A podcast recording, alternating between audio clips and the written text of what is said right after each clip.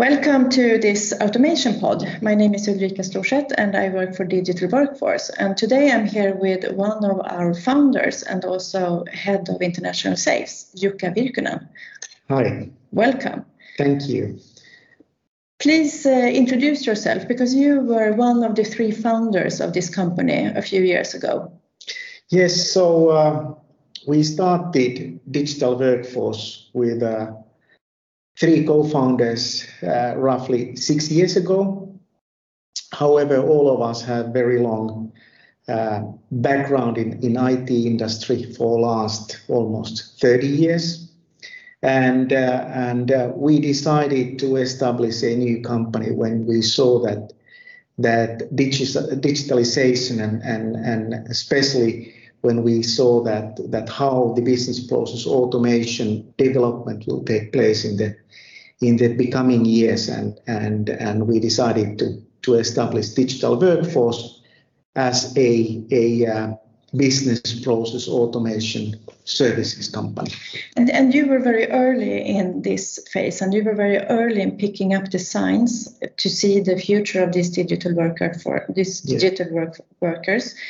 Um, what what was it that you saw? Because I think that in Sweden we often think that we are so foresights within this development, but that's not really true. Because I think that you in the Finland you were a few years ahead of us. Yeah. So uh, in spring 2015 we made test marketing in Finland and and especially in in healthcare sector to check that what kind of demand for this kind of automation, new new kind of automation tools exists, and and uh, and actually we saw that there's a huge potential to automate uh, routine knowledge work processes. Mm.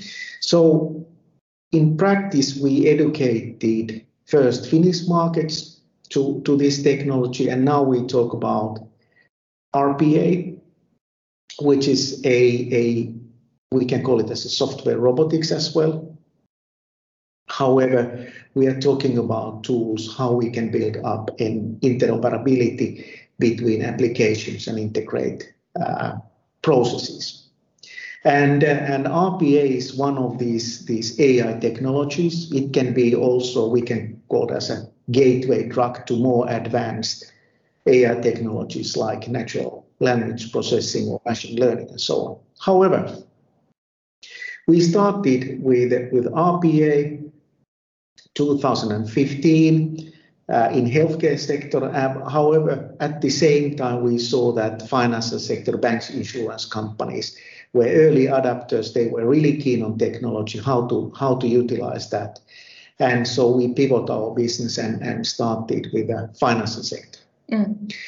Uh, 2016, so just six months later, we, we started also the, the test marketing.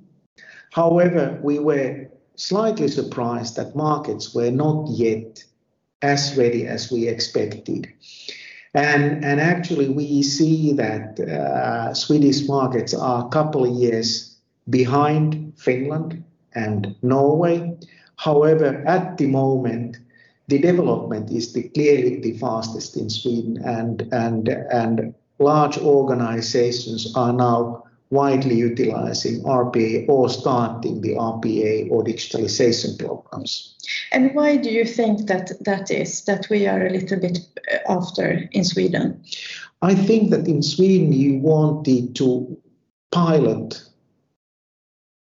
solutions first and and and piloting phase probably took a little bit longer so that, that we saw also that the piloting was more deep dive into technologies and, and, and opportunities. But once organizations have, have been able to, to, to demonstrate the advantages of technology, then the adoption uh, has been really, really fast. Yeah. So what you're saying is that maybe the IT departments has been a little too much in power in the Swedish organizations, and it has not been enough power. Look into the sort of the actual benefits that could be. Yeah, of course, it's it's always difficult to add completely new technology areas into into architecture, and it takes time. When we started in Finland, uh, we merely sold the solution to, to business organizations, business units. However, in Sweden, uh, we saw that IT departments were more closely involved already in, in early stages. But uh, I think that it has been really good development since since the, the technology became more mature and, and, and acknowledged on, on Swedish markets. But let's talk a little bit about these RPA robots. That's a tool, tool in the IT department's toolbox. Yeah, so clearly we can see that if we talk about uh, RPA software robots, it's it's an it's a new additional tool into into CIO's toolbox. Traditionally, we have had a system integration, uh, data integration, or we have had a manual work. Now, RPA came into into middle we are not integrating solutions in a traditional way. We are utilizing uh, user interfaces. However, at the same time, we are able to build up more integrated business processes, admin processes utilizing this technology. And we can even say that digitalization will not place in the organization without these kind of tools. Mm, because it's a mega trend to work with automation. Yes. And, and we can see that part of this megatrend is, is also the convergence of various uh, intelligent technologies.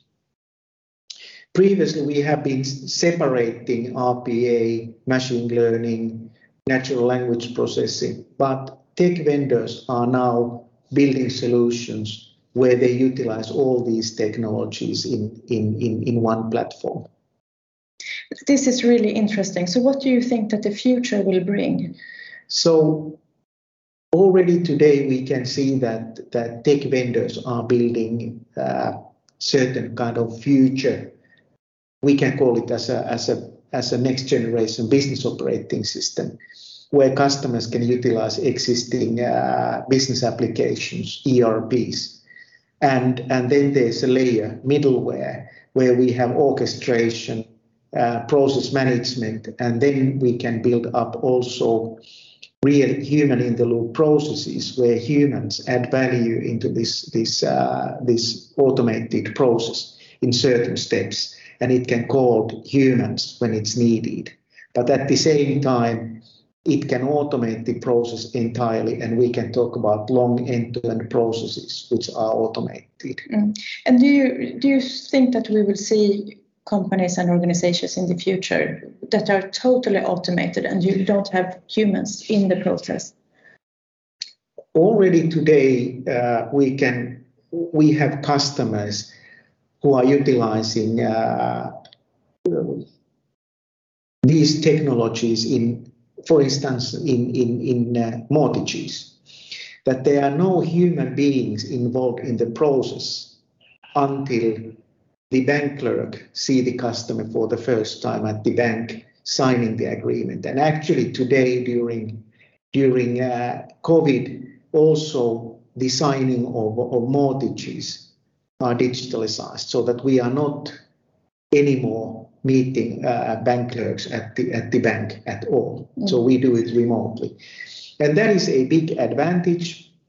Uh, increase the quality, increase the speed, we can see this this very same phenomenon also in, in admin processes, in HR processes, that less and less people are involved in the process. Mm. They are in, in human uh, in the loop type of, of uh, uh, phases in the process, adding the value, making decision, but not anymore in, in routines at all. Mm. So you have all these different systems that are communicating with each other in various ways. Um, and, and of course, we will not see a system that is like for one organization, for one bank, or for one municipality. We will still have this sort of patchwork of different applications. But you see that it will be more and more advanced how the communication between these will be done. Yes, and and and uh, and in a way, we can see the, the future even so that there will be a, a one new interface for human workers utilizing, uh, participating actually on, on a, a, a, process flow. And, and the rest is, is more or less like behind the scene, behind the middleware.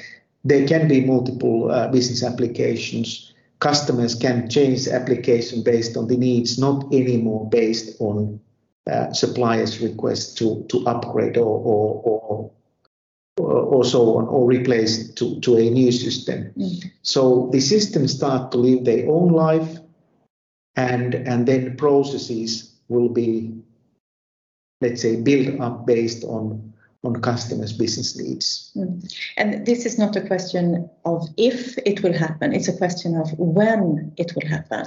And when do you think in, that in we certain will... industries, uh, industries, it's reality already today However, in, in, in, in large extent, it will take a couple of years, but we will see uh, digital workers in the future in all working teams.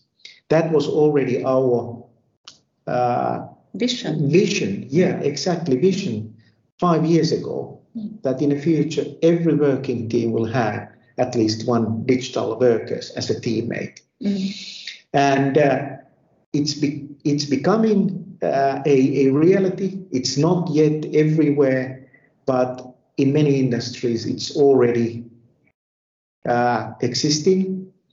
Uh, healthcare, great benefits from these kind of, of uh, digital nurses taking care of, of, uh, of uh, routines, referrals, and so on. Uh, financial sector obviously has been utilizing technology for years. Manufacturing is, is today adopting the technology very fast and taking the full advantage, especially when we are talking about large organizations, globally working organizations. Uh, robots can provide 24/7 service. They are never on sick leave, mm-hmm. and we saw now during pandemic that that shared service centers in, in, in India were closed due to, due to COVID, but, uh, but uh, organizations who were able to utilize uh, robots in the very same processes didn't have any problems. Mm. It's interesting. So where will the will, where will the humans be in the future in this involved in this? We have always seen that that organizations should utilize intelligent capital more wisely and free people from from these these uh, boring routines, knowledge work routines, and free their minds to more productive from uh, from company or organization point of view. Of course, there will be uh, FTE savings as well, but but based on our experience during five years and hundreds of organizations, FTE savings in the end of the day have not been the, the, the most important thing. It has been quality improvement, improvements, shorter throughput times, and so on. And, and, and of course, increasing the, the customer satisfaction. And also, part of the organization have been able to move people back from back offices to customer service and, and, and, and, and increase the customer satisfaction. But at the same time, organizations are able to create completely new business utilizing utilizing this technology. Mm. Very interesting. So we will see more digital workers and we will also see more intelligent digital workers in the future. Exactly. Thank you. Thank you very much.